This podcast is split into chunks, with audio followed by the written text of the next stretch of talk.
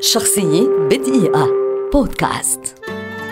هيث لادجر ممثل أسترالي شهير يعد من أعظم المواهب التمثيلية التي ظهرت في العالم في نهاية التسعينات وبداية الألفية الثالثة ولد عام 1979 في عمر السادسة عشر قدم هيث امتحانات التخرج مبكرا وتخرج ليلاحق حلمه بالتمثيل فكان ظهوره الأول في المسلسل التلفزيوني الأسترالي سويت عام 1996 أما ظهوره الأول في هوليوود فكان عام 1999 في فيلم 10 Things I Hate About You ليشارك بعد ذلك بين عامي 2000 و2005 في العديد من الأفلام الناجحة مثل The Four Feathers, Monster's Ball, Ned Kelly, The Order وغيرها. وقد فاز عام 2001 بجائزة ShoWest عن فئة نجم الغد لدوره في فيلم The Patriot والإصدار العالمي لفيلم A Knight's Tale. كما حصل على جائزة أفضل ممثل في العام 2005 في جوائز دائرة نقاد الأفلام بنيويورك ودائرة نقاد الأفلام بسان فرانسيسكو لدوره في فيلم Brokeback Mountain وصار في عمر السادس والعشرين واحدا من أصغر الممثلين الذين ترشحوا لجائزة الأوسكار عن ذلك الفيلم نفسه.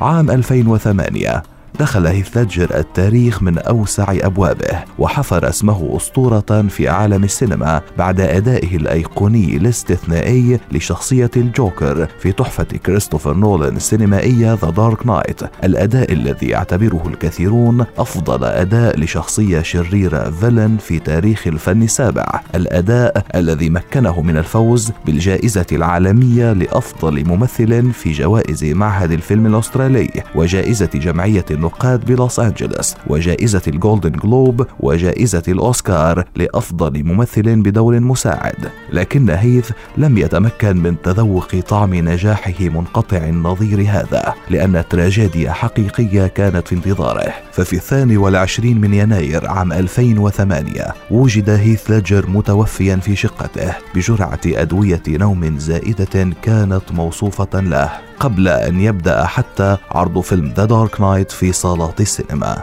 شخصية بدقيقة. بودكاست.